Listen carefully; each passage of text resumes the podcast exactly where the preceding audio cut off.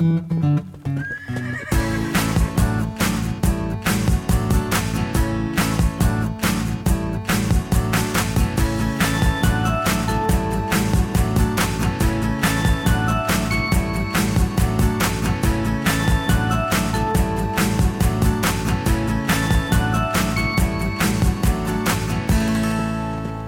och välkommen till Ridhuspodden.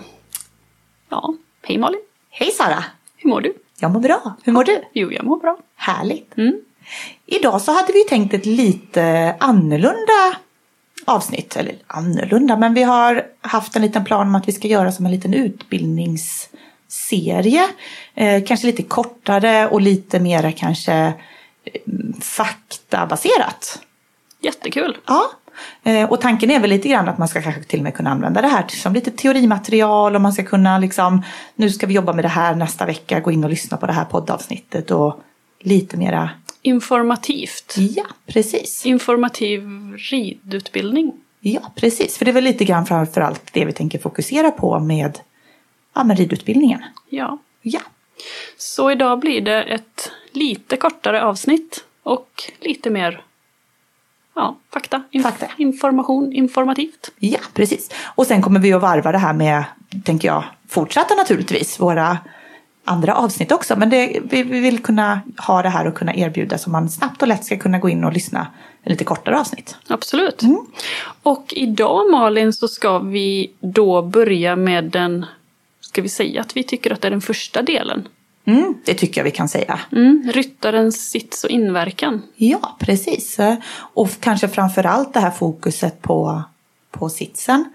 Att, att det är någonstans grunden i all ridning. Att vi har en så korrekt sits som möjligt och som vi kan Ja, naturligtvis vi, har, vi, har vi olika förutsättningar kroppsligt men vi ska ändå försöka sträva efter att hamna i en så god balans och följsamhet som möjligt med hästen. Men varför? Varför eftersträvar man det? Det handlar mycket om att man vill störa hästen så lite som möjligt och vara som sagt i balans och kunna följa hästen i hästens rörelser för att kunna sen då inverka på hästen på ett så korrekt sätt som möjligt.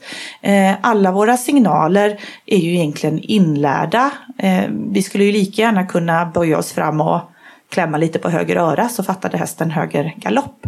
Eh, det är väl sitsen och våran egen balans som hästen följer så att därför är det väldigt viktigt att vad är det vi säger till hästen och att när vi sen ska ge våra andra signaler och våra hjälper till hästen så ska den kunna tolka dem på ett så korrekt sätt som möjligt. Så om jag tolkar dig rätt, en god sits skapar så god inverkan som det bara är möjligt. Ja, precis, men det tycker jag att vi kan säga. Eh, och att man aldrig lite grann heller blir, vi blir ju aldrig helt fullärda. Sitsen är ju någonting sånt som man kan traggla på i alltid, alltid, alltid. Så att även om det liksom är grunden eller första eller vad vi ska säga så är det ju också en röd tråd genom hela våra ryttarkarriär oavsett vad vi vill göra med vår ridning. Du pratade precis de första orden du sa så hade du eh, med balansen. Men vad har den för betydelse? Eh, balansen handlar ju om att, att vi ska, ska sitta i en sån liksom, balans som möjligt. Eh, över, liksom, mitt över hästen och när hästen rör sig så ska vi eh, ha den kroppskontrollen och den eh, balansen att vi följer hästen. Ehm, Likadant som, som jag tänker att om vi bara står upp rakt, rakt upp och rakt ner på våra fötter. Vi vill ju försöka vara i en sån balans som möjligt. Eh, och det handlar ju också om då när vi sitter på hästen och hästen är i rörelse. Hästen vill ju också skapa en balans. Eh, och då för att inte hästen ska kompensera våran obalans till exempel. Eh, så behöver ju vi ha en god en god position och en god balans. Eh, och också en, en, en kroppsmedvetenhet att eh, ah, om jag lutar mig åt ena hållet då behöver ju hästen också kompensera detta eller vad säger jag med min position. Eh? Så om jag ska sammanfatta det lite grann och med tanke på det första, alltså en god sits möjliggör en god inverkan men balansen har också med att göra att du inte ska störa hästen så att du inte kan ha det första, en inverkan Mm. egentligen. Jo men visst är det så, för det kan det ju vara till exempel om, om man är i en obalans. Så det kan ju vara spännande ibland, har man två stycken vågar hemma till exempel. Försöka ställa sig på vågarna och väga att det väger lika mycket på båda vågarna. Om man då tänker att man sitter på hästen och till exempel inte är i, helt i balans eh, så kommer ju vi då att skapa en obalans även för hästen.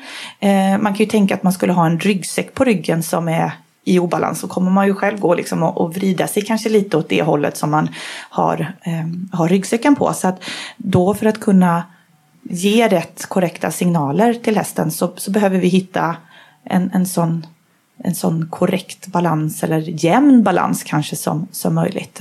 Så inte bara egentligen störa den utan också ha den största möjligheten att påverka. Ja, precis. Spännande. Mm. Men kan man utveckla sin sits? Absolut, och jag tycker att det ska vara en strävan som man jobbar med varje gång man rider. Att man ska tänka på liksom hur, eh, hur sitter jag på hästen och vad, och vad ger jag för, för signaler. Eh, jag tycker det kan bara vara en sån sak när man börjar skritta fram. Eh, försöka känna att även om, att tänka att där har ju faktiskt lektionen, även om, om, om hästen och jag ska värma upp så kan ju man tänka att lektionen börjar redan när ni börjar skritta fram. Att på lång tygel, hur, hur, hur är jag? Har jag kroppen, min kropp mitt över hästen till exempel? Kan jag känna båda sittbenen eller eh, sitter jag, hittar jag på, har jag vikt mig i höften till exempel? Eller bara det att stigbyglarna, är de lika långa? Eller ja, lite sådär. Så att jag tänker att, att börja redan från början och utveckla sin balans. Och, och mycket tycker jag det handlar om, om eh, Eh, kroppsmedvetenhet. Så att jag tänker också bara sådana saker, även om man, man kanske rider en dag i veckan så kan man ju faktiskt utveckla sin, sin, eh, ja, men sin kropp och sin balans och sin, sin kroppsmedvetenhet och styrka eh, utan hästen. Eh, Självklart kan man gå och träna och hålla på med andra sporter till exempel. Men man kan ju faktiskt också göra sådana saker som att stå på ett ben när man borstar tänderna. Jag tror att vi har pratat om det eh, tidigare. Så att man liksom börjar öva upp balansen. Eh, och ibland så tycker jag sådär, bara man går det kan ju bara vara man kan ut och gå eller man kanske går och ska hämta eh, ah, mjölk i kylskåpet från vardagsrummet eller vad det nu skulle kunna vara. Ibland brukar jag tänka hur skulle jag vilja sitta som ryttare? Så att även där, okej okay, vad, vad gör jag nu? Eller har jag liksom axlarna på samma position? Eller vad händer om jag tittar lite ner åt ena hållet? Vrider jag mig resten av kroppen och så vidare? Så att man kan ju tycker jag öva utan häst också. Och det finns ju uppsjö naturligtvis av olika saker man kan göra. Så det du har sagt nu är att man kan utveckla sitsen, den, den ska bli balanserad. Mm. Um, spänningsfri pratar du ganska mycket om. Ja, att precis. Den är, ja, man, man kan öva på det helt enkelt. Ja. Eh, också att man ska ha en bra, eller försöka ha en bra kroppsmedvetenhet. Ja. Och att man kan också öva det på andra sätt då. Ja, men visst är det så. På hästryggen just.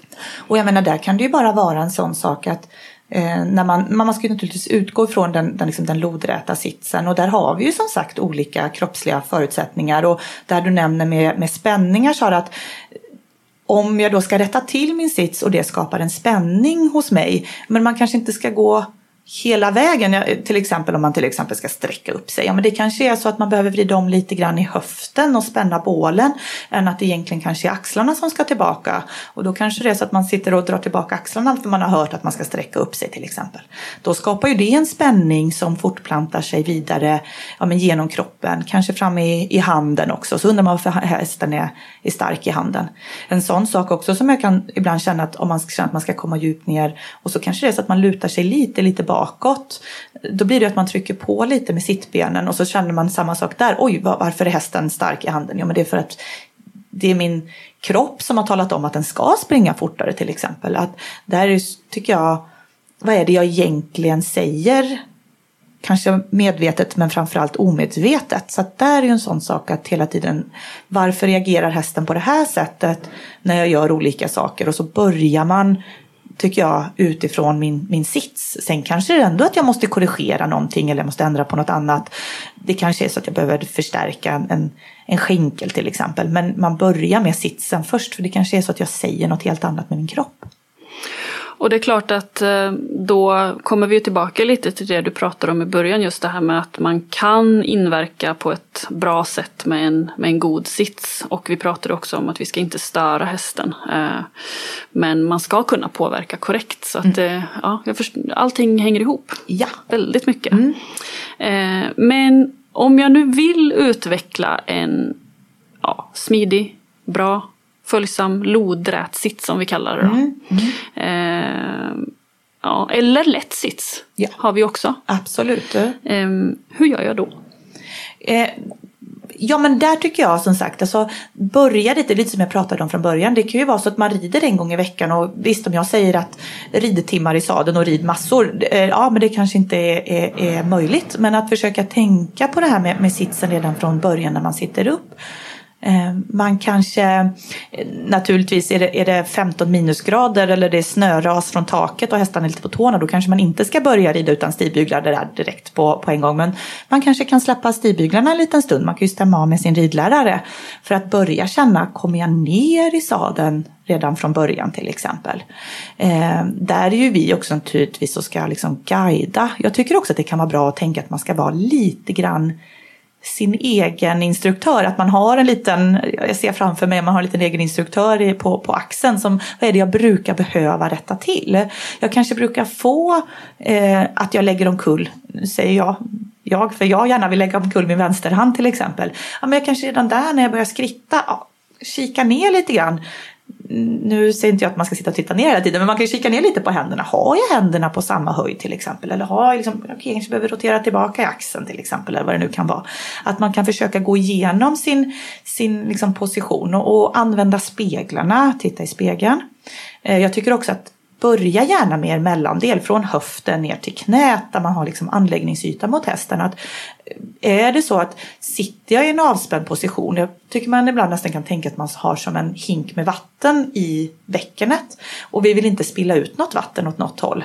Nu utgår jag från den, den lodräta sitsen, mm. eh, men just det här att har jag ett neutralt bäcken, för det är ju en väldigt stor central roll är ju liksom våra bäcken och vårt, vårt höft. Eller jag kanske har vridit mig redan där. Eller när man sen kanske börjar, man kanske ska växla varv. Ja men lutar jag mig åt ena eller andra hållet? Viker jag mig mer än den andra sidan? Eller det här med att lägga fötterna på vågen. Har jag mycket, lika mycket vikt i båda stigbyglarna?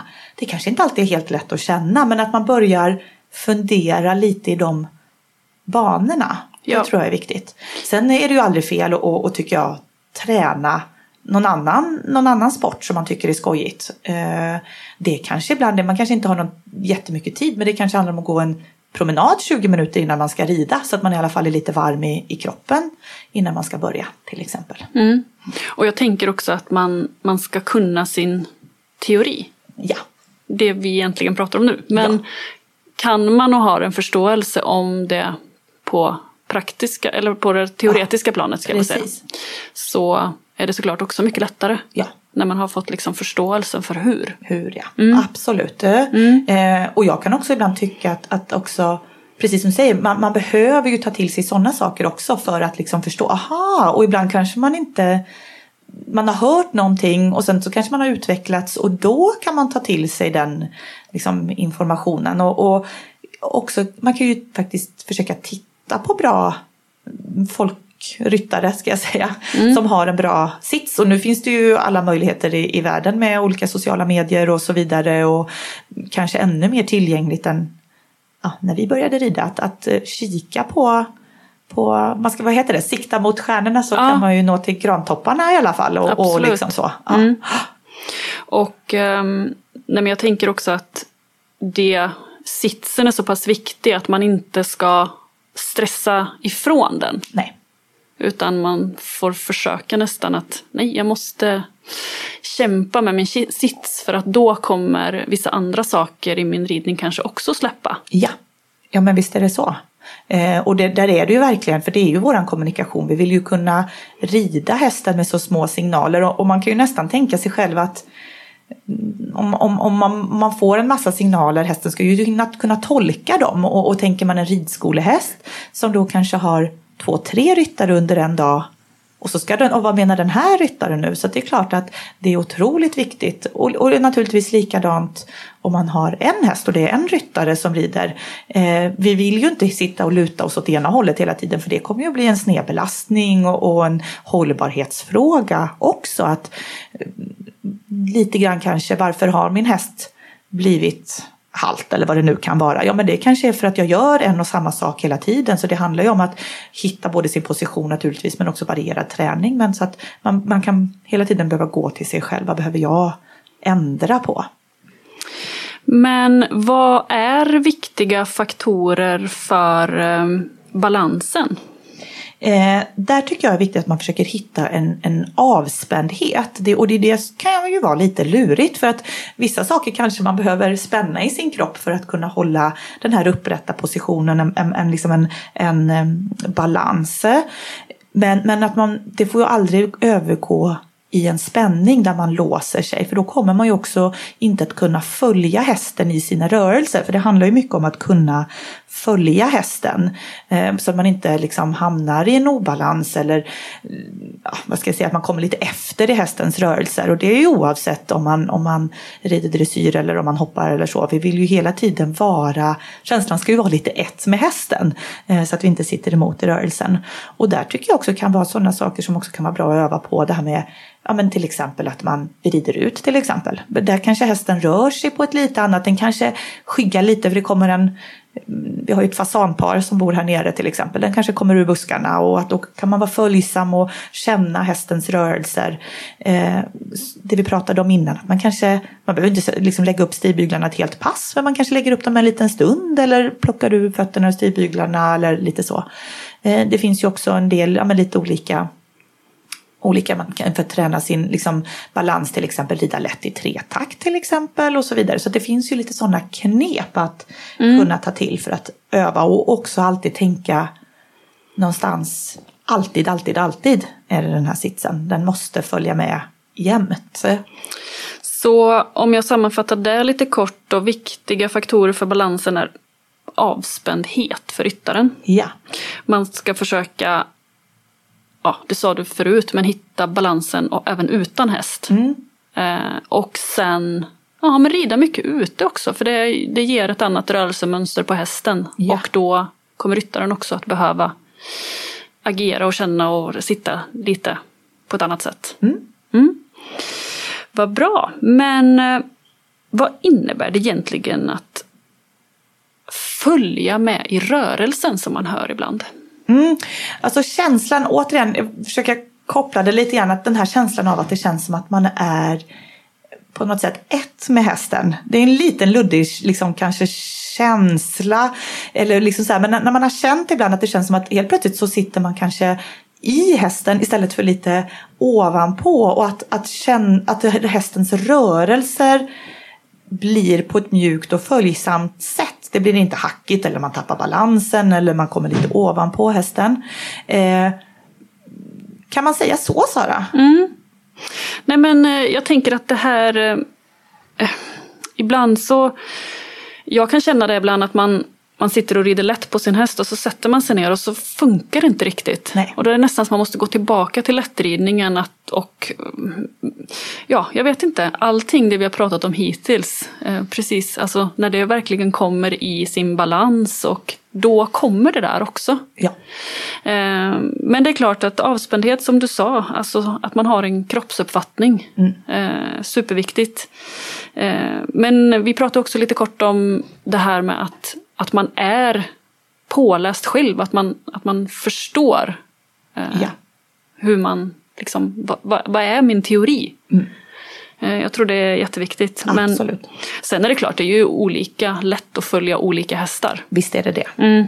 Och där tänker jag också att, lite som du pratade om, att ibland då man, att, att, att gå tillbaka och använda sig av lättridningen, man ska ju vara följsam i lättridningen också, men, mm. men det är klart att det blir ju ännu mer på sin spets när man ska till exempel sitta ner i traven till exempel.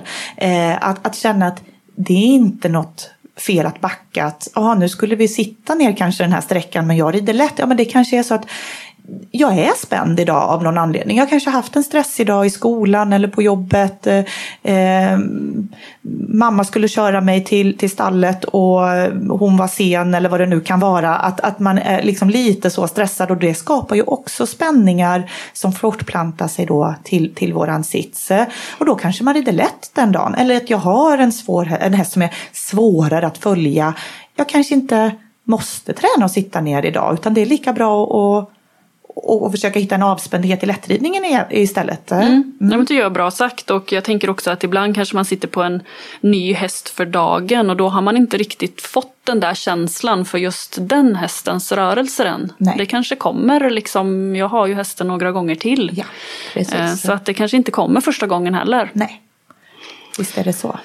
Men vi har ju pratat väldigt mycket om sitsar nu och vi var inne lite grann på lätt sits och jag pratade någonting. Men vilka olika sitsar finns det? Mm. Eh, nu, som sagt, nu har vi pratat framförallt om, om den lätta sitsen eh, och nedsittningen. Eh, vi har ju lättridning. Mm. Eh, sen är det lätt sits och hoppsits. Mm. Eh, de sitsarna Ibland så byter de lite namn eh, så att det kan vara lättsits, eh, djup lättsits kan det förekomma, eh, två och trepunktssits. Det finns lite sådana. Det har hetat lite olika, de har lite, hetat oli lite, olika. lite olika tidsperioder. Precis. Så har man kanske lärt sig lite annorlunda. Ja, mm. precis. Så att där, vi har ju också pratat om att vi ska prata lite mer kanske ingående om de olika sitsarna eh, lite längre fram. Ja. Eh, eller till och med kanske nästa gång. Mm. Eh, så att då kan vi gå lite djupare in på de olika olika sitsarna. Men kan man säga så att man eh, är det någonting man ska googla här efter så är det lodrätt sitt? Ja, det tycker jag man ska göra för där kan man ju få mm. upp eh, eh, massa bra bilder och men det finns ju även lite så bilder, olika så Instagramkonton som har lite bra bilder och man, man ja, Youtuba och kolla och kika och försöka hitta ja, ryttare som har en bra eh, lodrätt sits. Mm. Är det någonting annat Malin som vi inte har pratat om i det här eh, angående ryttarens sits och inverkan? Eh, det känns som ett ämne man skulle kunna prata om hur länge som helst men jag tänker att eh, det känns som att vi har fått med ganska så bra saker. Det vi skulle vilja skicka med att försöka kika lite grann för man ja, eh, nackdelen med podd är ju kanske svårt att visa någonting. Mm. Ja, så att eh, kolla lite grann, hitta så att man också tycker jag kan få lite aha-upplevelser till det vi pratar om. Just för att bygga på sin kunskapsbank så att man sen då kan, kan eh, eh ja, ta med sig det till sin ridning. Mm. Och utefter vad man har tid och möjlighet. Eh, ingen nackdel att träna andra sporter också som skapar både en styrka, kondition men framförallt kanske också en kroppsmedvetenhet. Mm. Balans. Balans ja. Mm. Och vi eh, pratade ju lite innan om här också att vi har ju, eller ni ridlärare använder ridhandboken. Ja, mm. eh, och där kom de ut. Ridhandboken eh, finns i 1 och 2 och Ridhandboken 1 så har de gjort en uppdatering och så de släppte en bok förra året. Och det ska väl komma en även på, på bok 2. Eh, så den vill vi slå ett litet slag för ifall det är så att man hellre vill läsa en hederlig gammal, vanlig gammal, det lät ju bok, men vill läsa en bok. Ja. Mm. Men då Malin, då var vi klara med det första korta utbildningsavsnittet. Ja, mm. så då tackar vi så jättemycket för idag. Tack så mycket. Tack.